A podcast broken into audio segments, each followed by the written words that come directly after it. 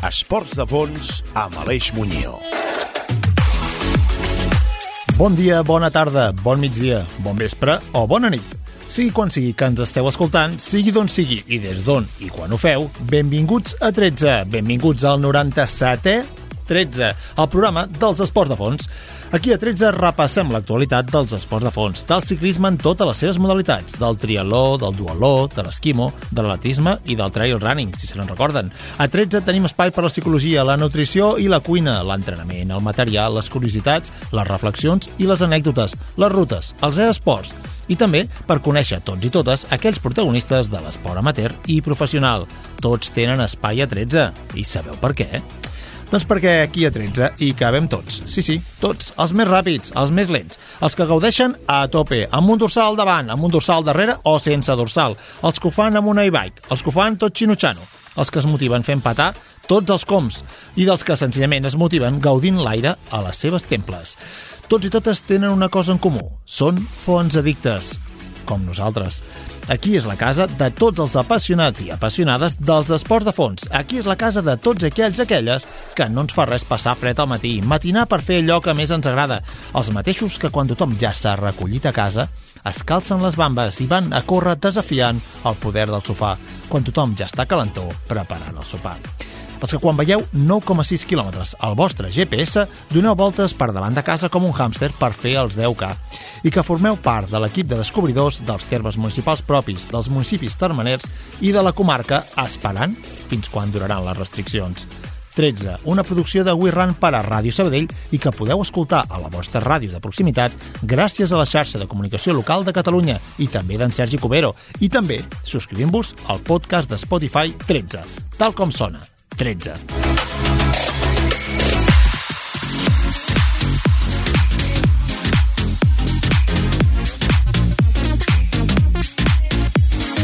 I què tindrem avui a 13? Boc and Roll, l'actualitat del triatló, de l'atletisme, de l'esquimo, del ciclisme en ruta i del ciclisme de muntanya. I també avui amb les següents seccions. Omnibus, on Joan Moy ens portarà un nou protagonista ganyifeta.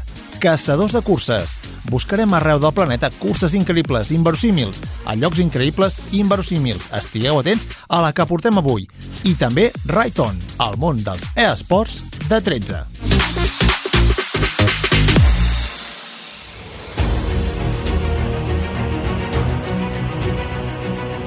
Poc and Roll, l'actualitat dels esports de fons a 13.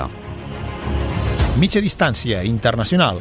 La PTO desembarcava a Austràlia amb el Husky Triatló. Sí, Austràlia, encara que tingui nom de gos de neu. El campionat australià de la distància. En categoria masculina, la prova va estar marcada per un grup de 10 unitats que van rodar juntes fins a la T2. Trent Thorpe va ser el primer a sortir de l'aigua amb un avantatge d'escassos 40 segons sobre McKenna i a 1-10 sobre un gran grup de favorits. En el segment ciclista, Tim Van Berkel va formar el grup de 10 que jugaria el triomf en els 21 quilòmetres de cursa a peu. Simon Hearn, amb un temps de 3.48.27, es portava la prova amb el parcial a peu més ràpid, 1.13.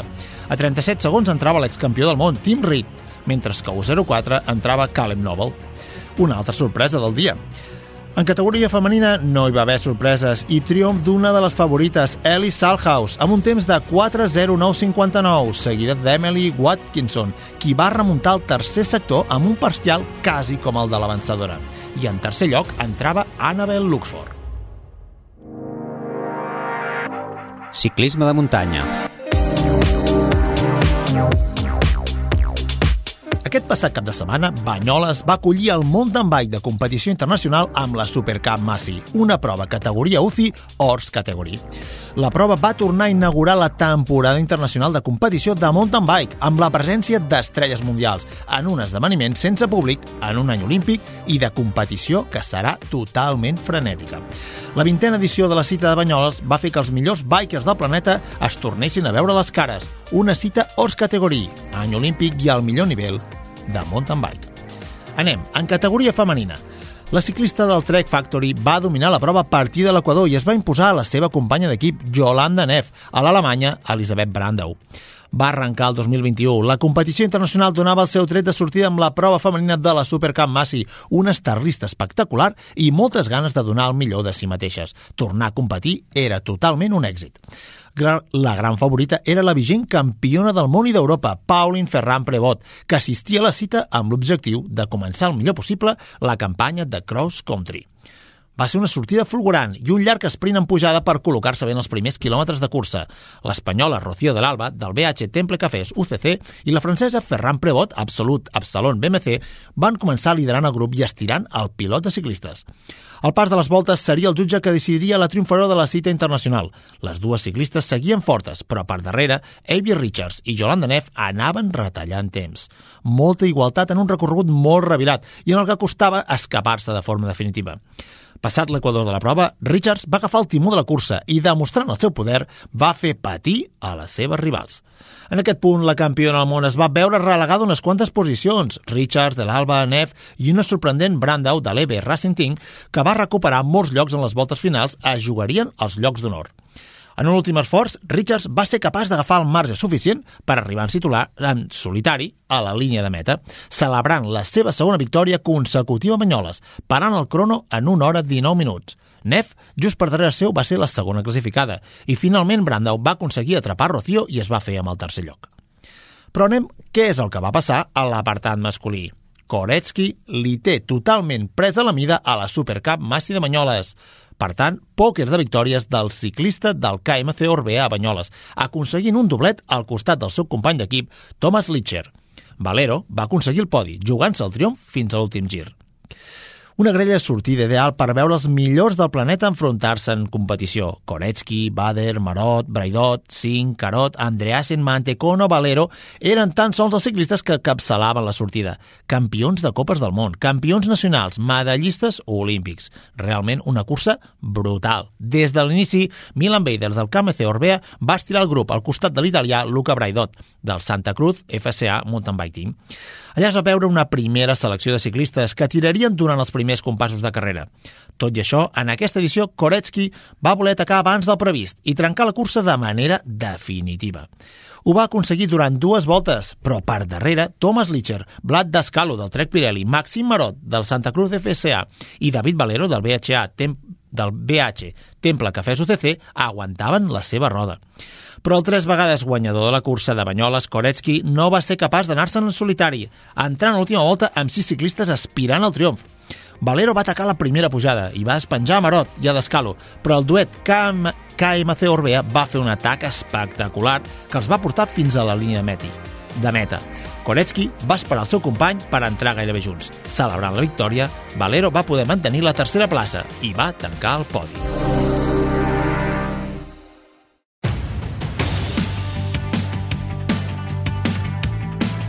Atletisme, amb Guillem Caldés. Molt bones, Aleix i oients de 13. Avui vinc a repassar l'actualitat de l'atletisme en ruta, cross i pista. Començarem per l'àmbit internacional. Aquest cap de setmana es va celebrar un míting a Madrid.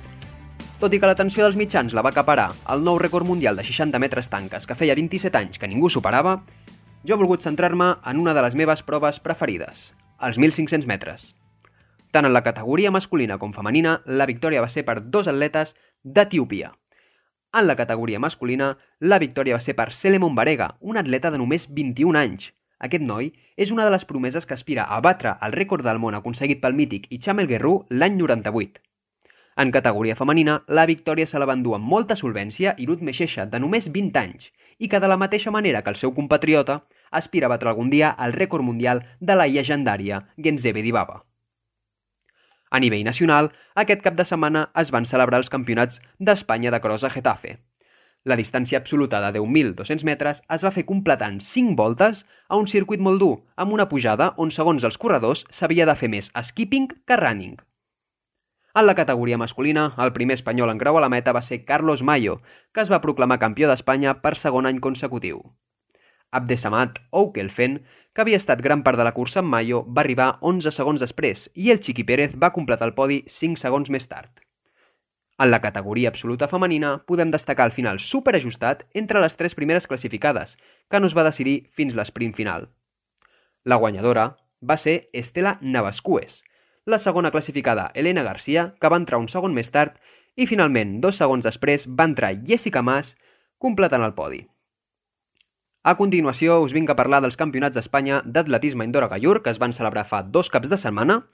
Era l'oportunitat de molts atletes per aconseguir les mínimes per poder assistir als campionats d'Europa a Polònia aquest mes de març.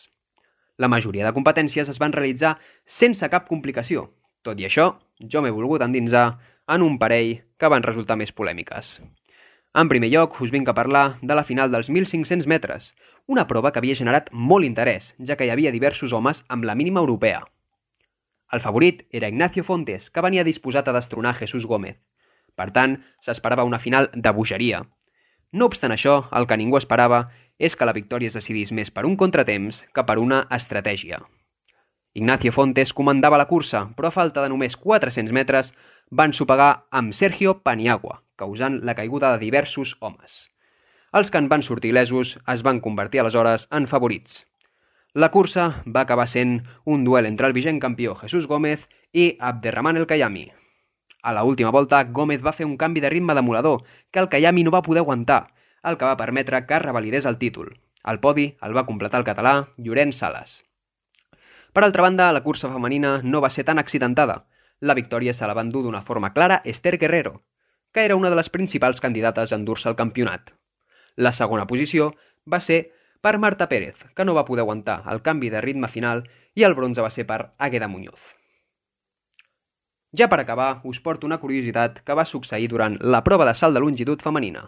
La polifacètica catalana Maria Vicente venia de guanyar el pentatló amb nou rècord d'Espanya i buscava amb el salt de llargada assolir un doblet que hauria estat històric.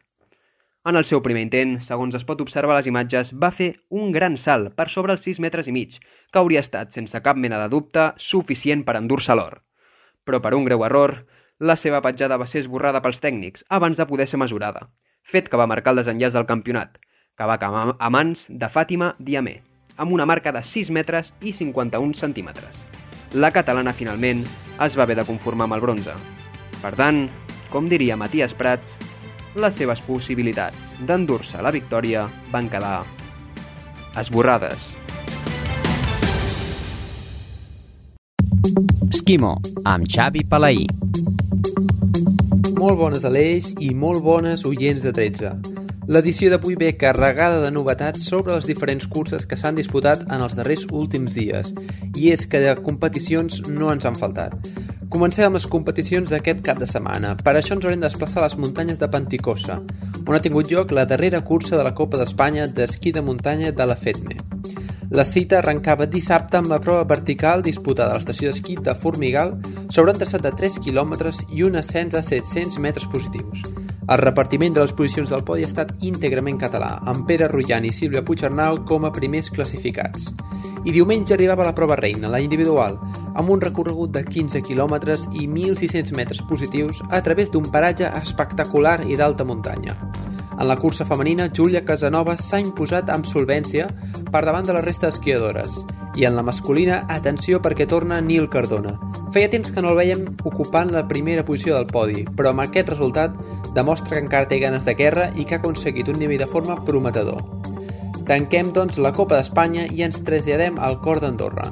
Doncs aquesta setmana està tenint lloc un dels esdeveniments més esperats de l'any entre els apassionats de la neu, els Mundials d'Esquí de Muntanya, on els millors especialistes d'aquest esport competeixen entre ells pels títols de campió i campiona del món en les modalitats sprint, relleus, vertical i individual. Aquest dimarts ja ha tingut lloc la resolució de la primera modalitat, els sprints, i si aquesta temporada heu estat ben atents, ja sabreu que entre els catalans hi ha un esquiador que ha demostrat ser un expert en aquest tipus de cursa. Exacte, esteu pensant bé, el seu nom és Oriol Cardona, subcampió del món d'esquí de muntanya en modalitat d'esprint, tan sols superat pel suís Iwan Arnold. Una injecció de moral que segur que el motivarà per buscar el podi en la cursa vertical de dijous, una modalitat on també ha demostrat ser molt competent. Qui també ha fet medalla ha estat Pau Coy, tot i quedar-se a les portes per accedir a la final, ha aconseguit el bronze en categoria sub-23. I en categoria femenina, Marta Garcia ha fet una cursa buscant també el podi, però tot i aconseguir un molt bon crono, s'ha hagut de conformar amb una setena posició. On s'hi hem vist medalles ha estat en la categoria sub-18, L'esquiadora Ares Torra ha arribat a la meta a la final amb el mateix temps que la francesa Louise Trincas, però per pocs centímetres l'or s'ha de cantar per la francesa i la bergadana finalment s'ha emportat la medalla de plata. Així doncs, els mundials segueixen amb la prova de relleus, la vertical i la individual. Estigueu atents que de ben segur que la setmana que ve us podrem anunciar més medalles catalanes. Cada setmana l'equip de caçadors de curses de 13 surt al carrer i busca arreu del planeta curses increïbles, inverosímils, a llocs increïbles i inverosímils. De vegades és una activitat i una escomesa un pèl perillosa. Aquesta setmana viatjarem fins al continent africà, fins a la part més austral del continent africà. Viatgem a Sud-àfrica.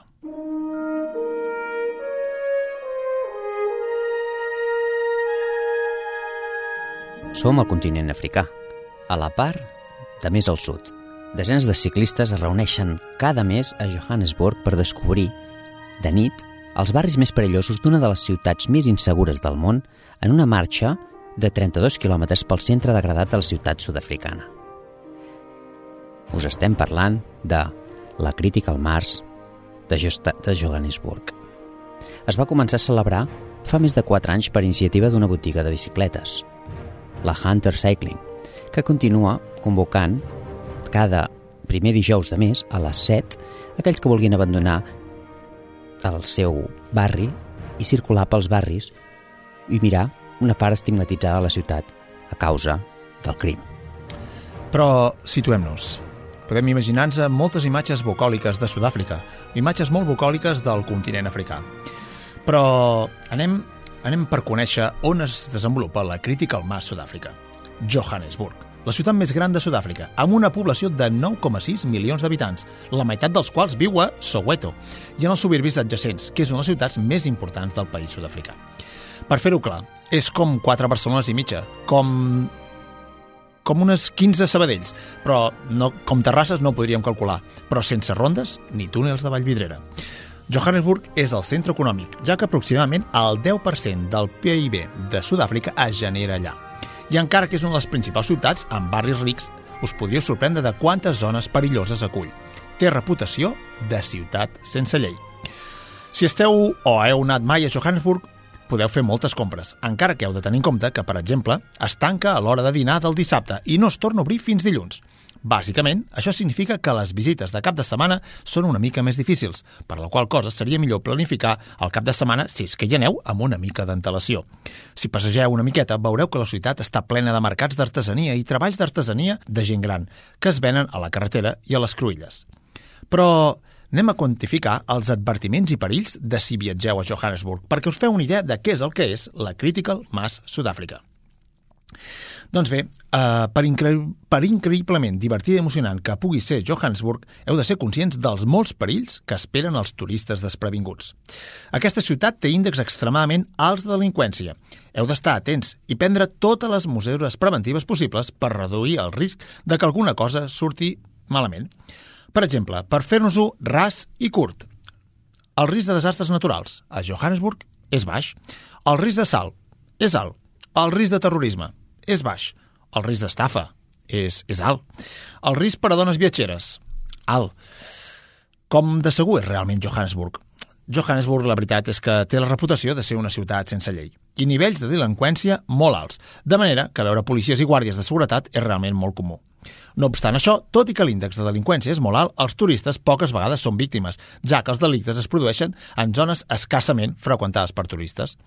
Encara que és una ciutat bastant rica, no és gens estrany sentir parlar d'atracaments i robatoris a mà armada en aquest país.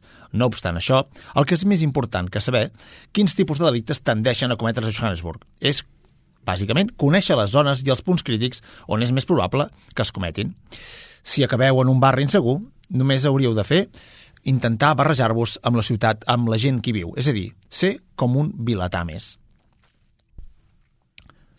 Doncs sí, uh, l'organitzador de, la, de la cursa, de la marxa ciclorista, uh, bueno, uh, declaren que no hi ha regles, les úniques regles són seguir el grup i acabar el recorregut. Clar, és un bon consell. És un perquè, advertiment, clar, de fet. Clar, de fet. De fet, hi ha una cosa. Um, aquí el dubte que ens queda a nosaltres és si per tal de poder escometre aquesta marxa, aquesta marxa cicloturista en bicicleta, um, clar, si som, si som turistes, en el moment que estem anant en bicicleta, passem a ser considerats com un vilatà més o seguim sent turistes encara que anem en bicicleta? Perquè la bicicleta et treu la condició de turista.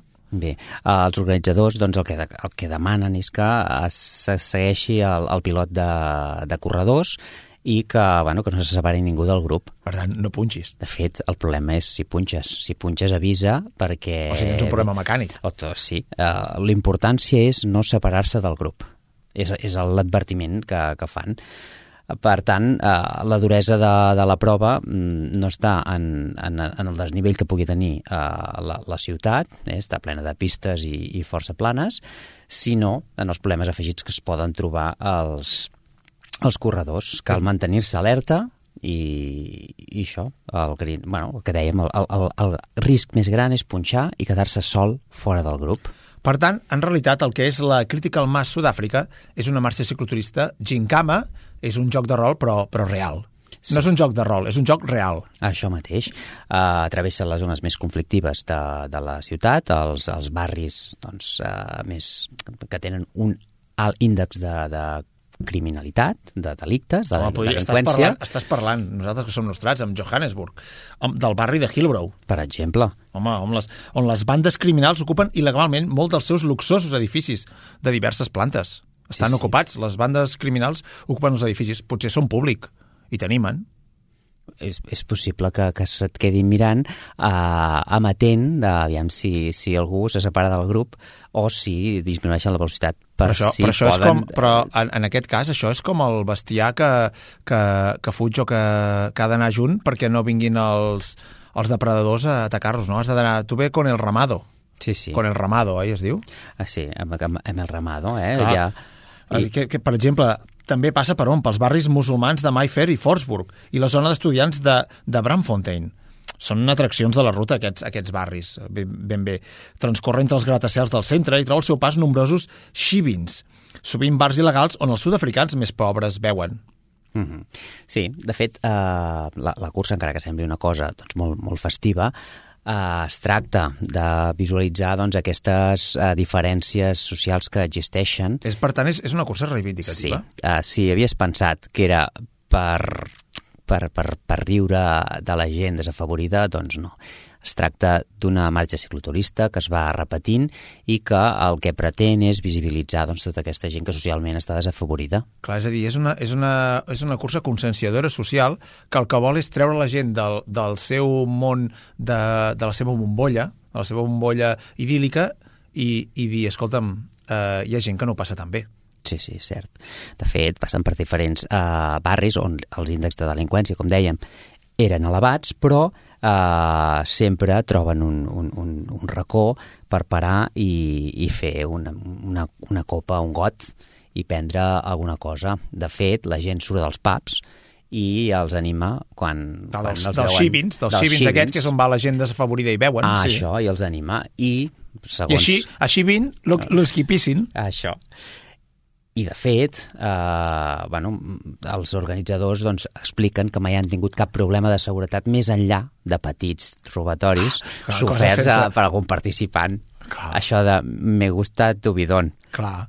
O, o mm, pues clar, però jo crec que si pedales ràpid, llavors doncs no tens cap mena de, de, de problema. I no seré jo qui digui que els, els barris desafavorits però clar, escolta'm, tu estàs en un barri desafavorit ho passes penúries i ve tot de gent allà amb les llums, amb les bicicletes allà, hihi, jaja, dius, ostres, sembla que m'estiguin refregant per la cara una miqueta de pencom, clar, jo puc entendre que poden sentir-se una mica violentats. Sí, doncs eh, la marxa, malgrat tot, és segura i el que intenten és al contrari, és fer aquest acostament i buscar despenalitzar els barris més humils i erradicar la por a apropar-s'hi. O, Clar. de fet, els organitzadors diuen que ho fan, ho fan, Aleix, ho fan per amor. Però digueu, digueu certament, ho fan per amor aquí. Llegeix, llegeix, llegeix el que posa. Aviam, no sé per què m'ha posat això el guionista, però ho llegiré literal. Ho Ho, fem- fem per amor per Josi. Per Josi, però si la Josi Apestosi era una altra cosa. La Josi Apestosi era, la diu Barrymore, quan era lletxeta i anava a l'institut. Aviam, uh, aviam. I per- jo t'explico. Josi. Josi, Josi, aviam, de, Josi quina, de quina ciutat estem parlant?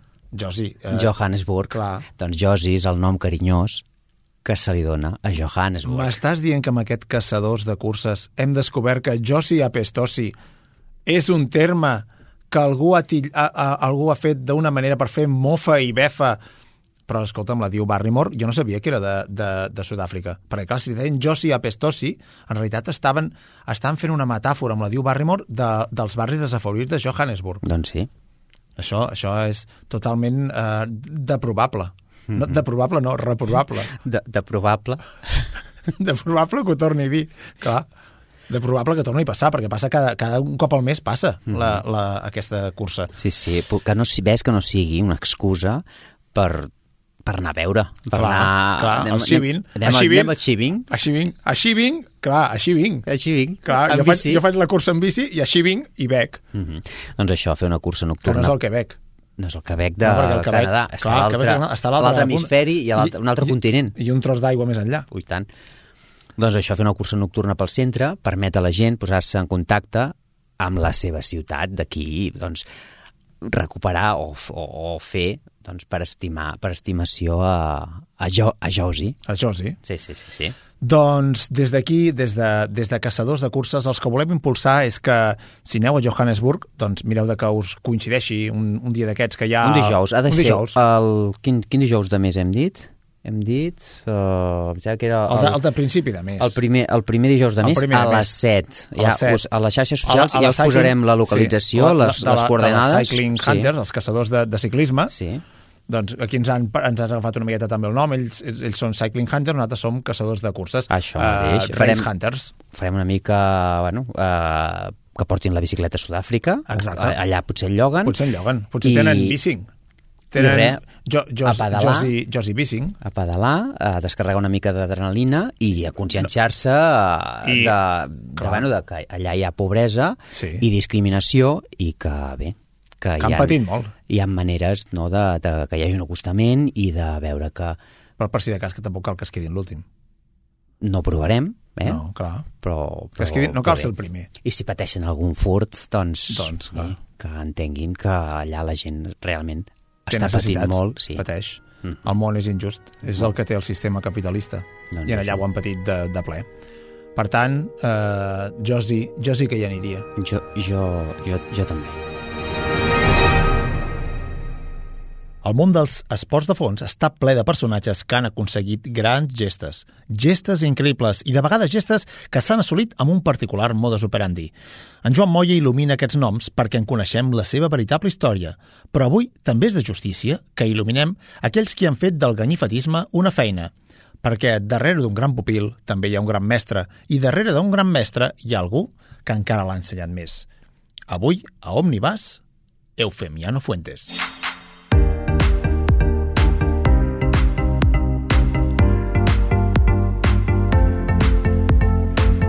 Eufemiano Fuente Rodríguez va néixer a les Palmes de Gran Canària el 20 de febrer de 1955. L'Eufemiano era un estudiant exemplar, interessat, modèlic i molt i molt interessat en tot allò que aprenia i li ensenyaven.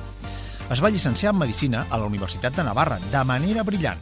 Va obtenir matrícules d'honor o excel·lents en totes les assignatures, excepte dos notables i dos aprovats. Va realitzar el MIR el 1980 i es va especialitzar en ginecologia. Durant la seva època d'estudiant va ser campió d'Espanya universitari dels 400 metres tanques, el 1976, sota les ordres del seu entrenador, el Manuel Pasca, Pasqua Piqueras, tècnic vinculat a la Reial Federació Espanyola d'Atletisme. El 1983 va obtenir també la llicenciatura d'INEF per la Universitat Politècnica de Madrid. Un cop acabada la carrera de Medicina, Pasqua li va cridar i va ser nomenat metge de la residència Blume, centre del rendiment de l'esport espanyol i de la RFA, en què va treballar des de principis del 1984. En aquest entorn va conèixer a la seva exdona, l'atleta Cristina Pérez Díaz, a qui ell preparava. Però la seva relació amb l'atletisme com comença? Doncs bé, la seva relació amb l'atletisme comença en la seva època d'estudiant, en la qual eh, ja practicava esport, fins al punt que va ser campió d'Espanya universitari. El seu entrenador, el llavors Manuel Pasqua Piqueras, va ser qui, un cop acabada la carrera de Medicina, li va, el va cridar i li va planar el terreny per a la seva entrada com a metge de la Fe- Federació Espanyola d'Atletisme en una comissió científico-mèdica de nova creació a la residència Blume de Madrid. Els seus mètodes van ser qüestionats constantment i tant Eufemiano Quin nom, oi? Tant Eufemiano com Cristina, la seva dona, ho dius per Eufemiano o per Cristina. Sí. No, ho dic perquè m'ha recordat una cosa que m'ha fet molta gràcia. Doncs tant Eufemiano com Cristina, la seva dona, van ser acusats pels mitjans de comunicació d'utilitzar mètodes dopants per millorar el rendiment esportiu. Com? Sí, sí. Però... La, la veritat és que mai es va poder demostrar, eh? ja que nombrosos controls antidopatge que va passar la seva dona de llavors, la Cristina, eh, van donar tots resultats negatius. Però casualment també, el 1992, l'Eufemiano va ser el metge de l'expedició espanyola als Jocs Olímpics de Barcelona. Però la RFA, a poc a poc, li va anar tancant les portes fins que pràcticament va arribar a prescindir d'Eufemiano. El bo d'Eufemiano es va veure apartat de l'esport que tant li havia agradat practicar des de que era universitari. Pensem que la Cristina, la seva dona, eh, va participar dels Jocs Olímpics de Seul i també, finalment, eh, de Barcelona 92.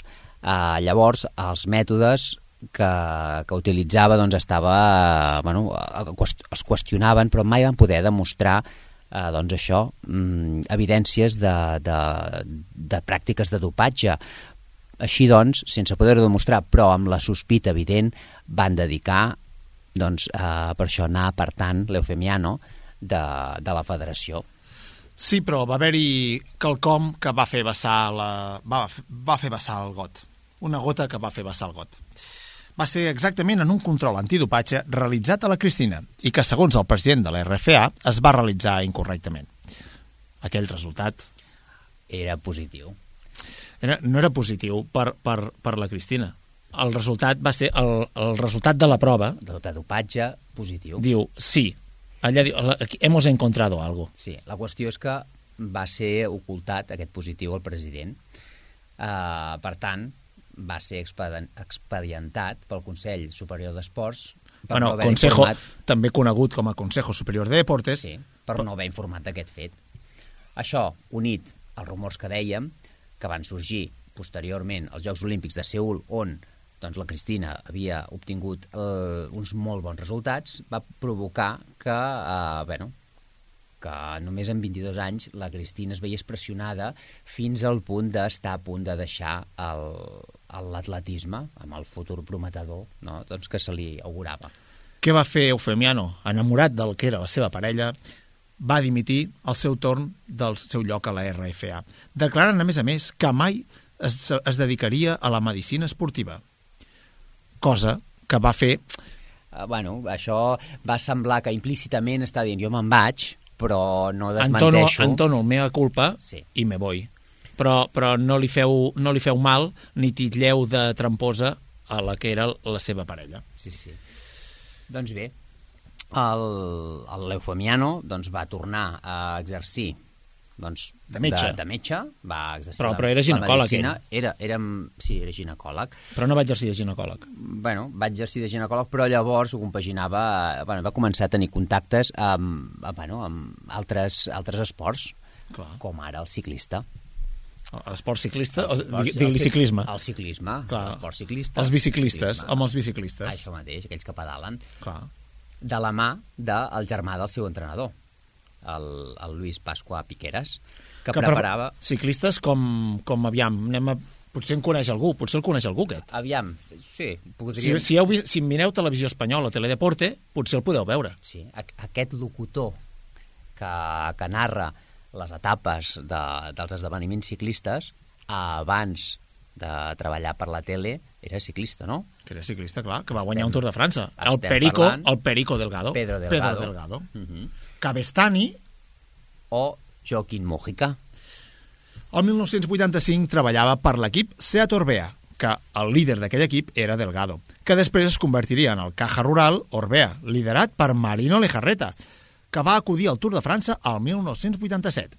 El 1988, Pedro Delgado, que corria ja a l'equip Reynolds, va donar positiu per provenicida no, no, és que, no, no és que sigui un adjectiu. Eres un provenicida. Però que és com, com, és com sí. una sentència, sí. això, a la, quan Proven... els sermons del diumenge... Eres un provenicida. No, provenicida és una substància. Clar, i van dir, has donat positiu per provenicida al Tour de França. Aquest fàrmac evitava que algunes substàncies siguin eliminades per l'orina, com alguns antibiòtics, augmentant la seva durada a l'organisme, i anabolitzants, evitant que puguin ser detectats en els controls antidopatge d'orina.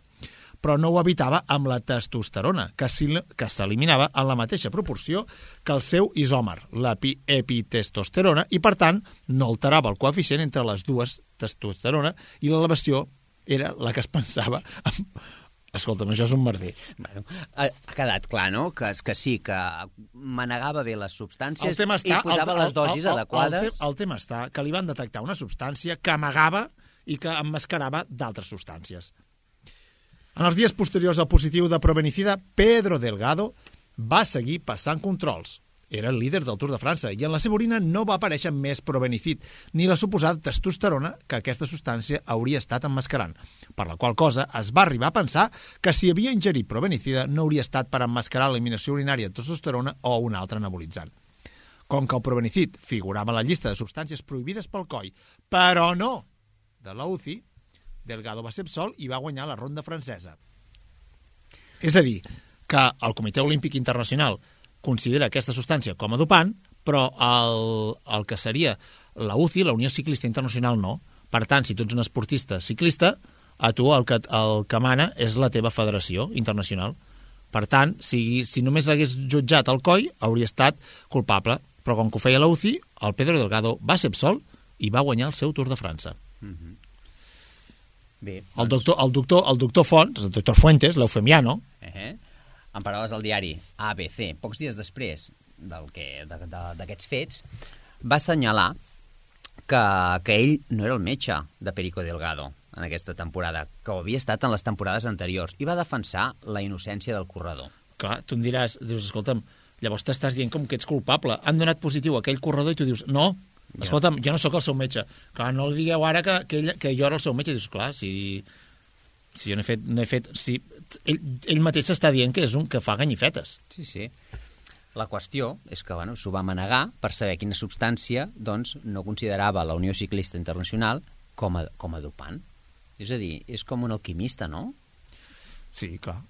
El 1990 va passar a ser, el senyor Femiano va passar a ser metge de l'ONCE, dirigida per Manolo Saiz, treballat, treballant més tard per Amai Assegurances i Vitalicio Assegurances, Finalment va ser metge del Kelme, equip aquest últim del que va ser metge fins a finals del 2002, amb èxits com els aconseguits per Escartín, una etapa i tercera general del Tour del 99, segona a la Volta 1998, Roberto Eras, guanyador a la Volta del 2000, una etapa del Giro i quatre etapes a la Volta, Òscar Sevilla, millor, millor jove del Tour 2001 i segona a la Volta al 2000 també el mateix any, el 2001, Aitor González, guanyador de la Volta 2002, o Santiago Botero, dues etapes en el Tour i tres etapes a la Volta. Mira, el senyor Fimiano Fuentes feia miracles.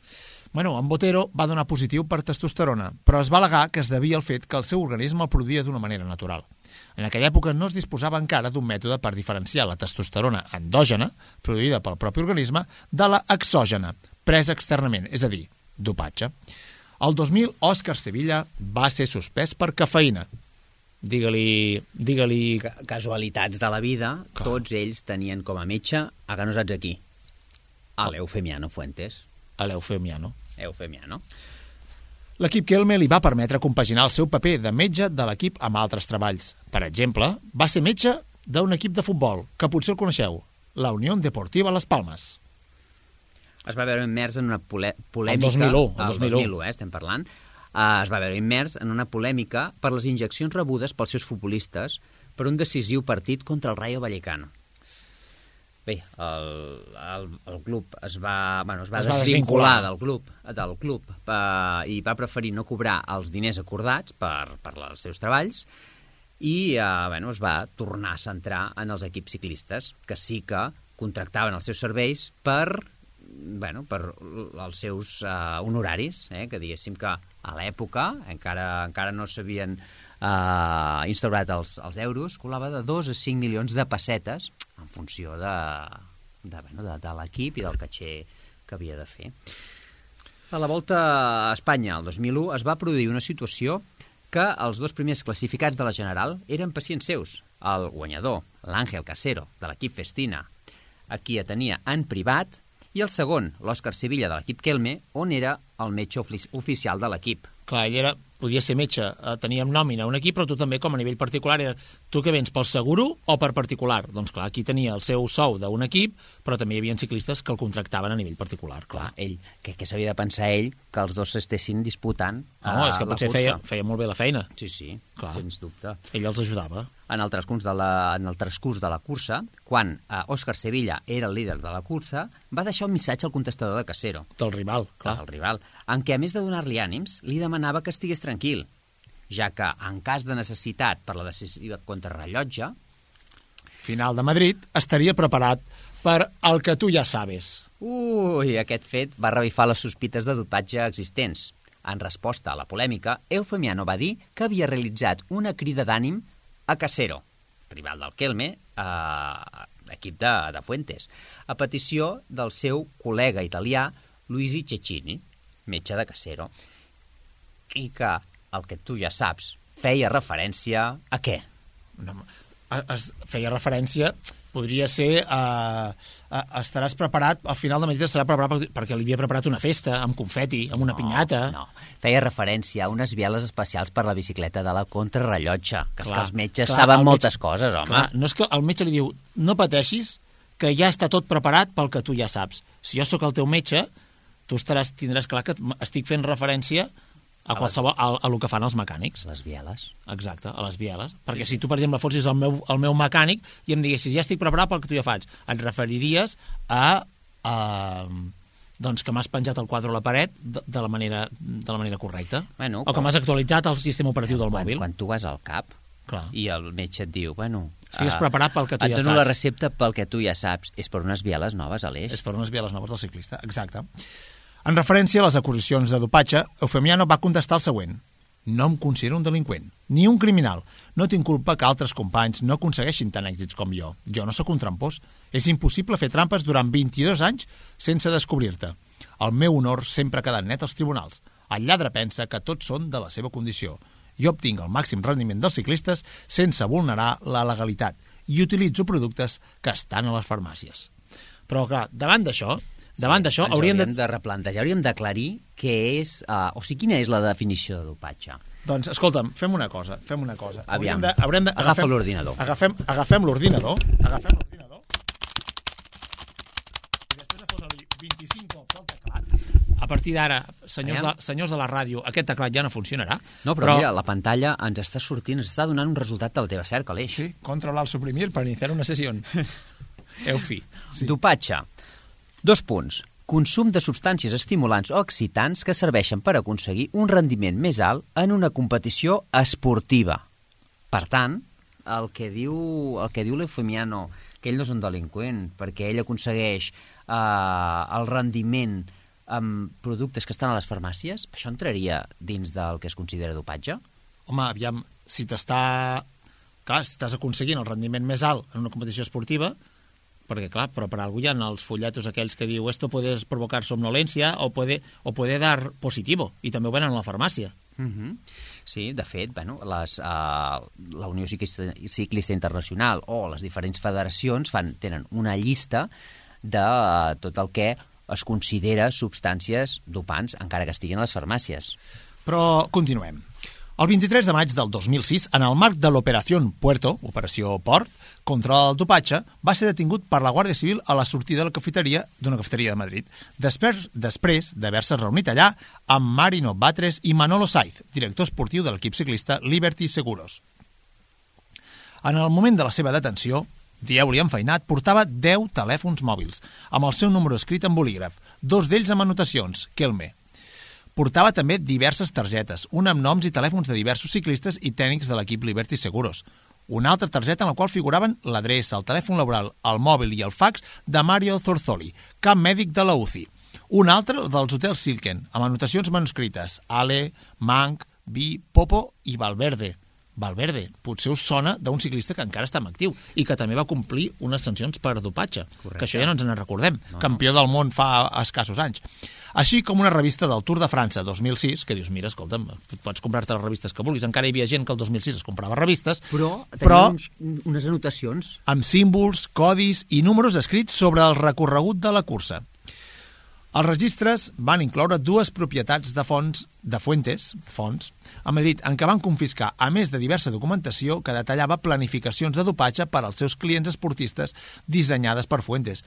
Un total, atenció, eh, perquè, perquè tingueu clar, 185 bosses de sang i 39 bosses de plasma, que serien per autotransfusions, transfusions, així com esteroides, anabolitzants, corticoides i diferents hormones. Aviam, Aleix, m'estàs dient que tenia el, el, tot el recorregut de les etapes del Tour marcades amb els codis allà on havien de fer les transfusions eh, entre etapa i etapa. I tenia, el, I tenia el nom de tot de ciclistes eh, en actiu. És com M. Rajoy, però bueno, Valverde aquí no se salva, perquè, clar, Bopo, tot, són, són eh, sobrenoms de ciclistes, però, però bueno, estem fent un supòsit que Després de ser interrogat per la Guàrdia Civil, va passar a disposició judicial el 26 de maig, ordenant al jutge el seu ingrés a la presó, al·ludible amb una fiança de 120.000 euros. Mentre que el seu col·lega Marino Beatres va abonar l'import aquell mateix dia, Fuentes va trigar un dia a reunir els diners, passant una nit a la presó de sota del Real. El doctor va sortir de presó amb una ampolla d'aigua a la mà i acompanyat pel seu advocat. Lo de que va sortir amb una ampolla d'aigua a la mà és un fet bastant irrellevant. Però també anàvem no, ser mare, i clar, tampoc ho hem dit. Clar, i tampoc anàvem amb una bossa de sang. Segons les investigacions, Fuentes seria el cap d'una xarxa de dopatge que oferia diverses pràctiques il·lícites per millorar el rendiment dels seus clients, que serien esportistes d'elit de diverses disciplines. Entre els serveis oferts es trobarien hormones, la EPO, testosterona i altres anabolitzants, medicaments i transfusions sanguínies. La trama, que comptava amb ramificacions i col·laboradors a Itàlia, Alemanya i València, havia desenvolupat un argot per referir-se tant als integrants de la xarxa, Fuentes, cap de la mateixa, que era estèrics, com als mètodes de dopatge oferts amb constants sospites de dotatge confirmades per l'operació per l'operació Puerto, eh, en aquesta operació la Guàrdia Civil va obrir un atestat per la presumpta comissió d'actes de dopatge durant el període de 2002 a 2006. La figura del dopatge va ser introduïda a Espanya arran de l'entrada en vigor eh, d'un decret llei. El 2006. Raó per la qual les pràctiques del doctor Fuentes eren, en aquest moment ja sí, considerades Legals. il·legals. Considerades no, eren considerades legals. Per tant, com que la llei va començar el 2007, tot el que va passar abans, les seves pràctiques eren legals. L'Audiència Provincial de Madrid, doncs, en data de juny de 2016, va dictar sentència per la qual s'absolia Eufemiano Fuentes dels delictes imputats, a l'assenyalar que la sang no és cap medicament, tal com assenyala la llei espanyola, pel que la seva activitat no era constitutiva de delito. Cadascú que analitzi si el senyor Fuentes era un ajudador, un tècnic visionari o el cap d'un entramat de dopatge. Però el cert és que múltiples esportistes encara en actiu provenen de la seva tutela, i sobretot en el ciclisme.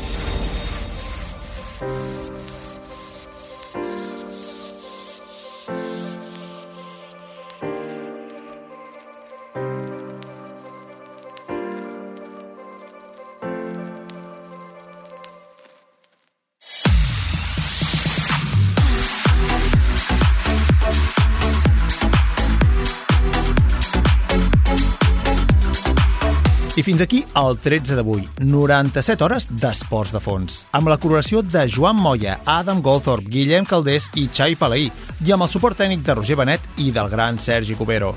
Recordeu que podeu escoltar 13 quan vulgueu i on vulgueu. A Spotify teniu a la vostra disposició el podcast de 13, 13, tal com sona, en lletres. Podreu linkar-vos directament des del nostre perfil d'Instagram, arroba 13 espai esports de fons o senzillament cercar 13 escrit en lletres al buscador de Spotify i trobareu també la nostra llista de cançons 13 BCO, banda sonora de 13. De debò, gràcies per, per formar part d'aquests 97 programes i de la família 13, una producció de We Run per a Ràdio Sabadell i que podeu escoltar a la vostra ràdio de proximitat gràcies a la xarxa de comunicació local de Catalunya. Soc l'Aleix Muñoz i espero que aprofiteu cada segon al màxim, fent allò que us agrada i gaudint d'allò que més us agrada. Avui ens acomiadarem amb The Verb, de Beatles Sweet Symphony, el hit del 1997.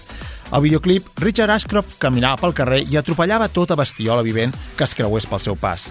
Malgrat el ser el seu èxit més destacat, els drets del tema van acabar en mans d'Alan Klein, el que va ser mànager dels Rolling Stones perquè la cançó es feia servir una mostra dels arranjaments de corda de Last Time. Ashcroft no ha rebut ni un cèntim de la seva composició més coneguda. Per tant, la, la moraleja o, la, o el que us volem acomiadar amb el programa d'avui és que feu allò que més us agrada i no patiu si no s'us grava a l'estrava. Fins la setmana que ve.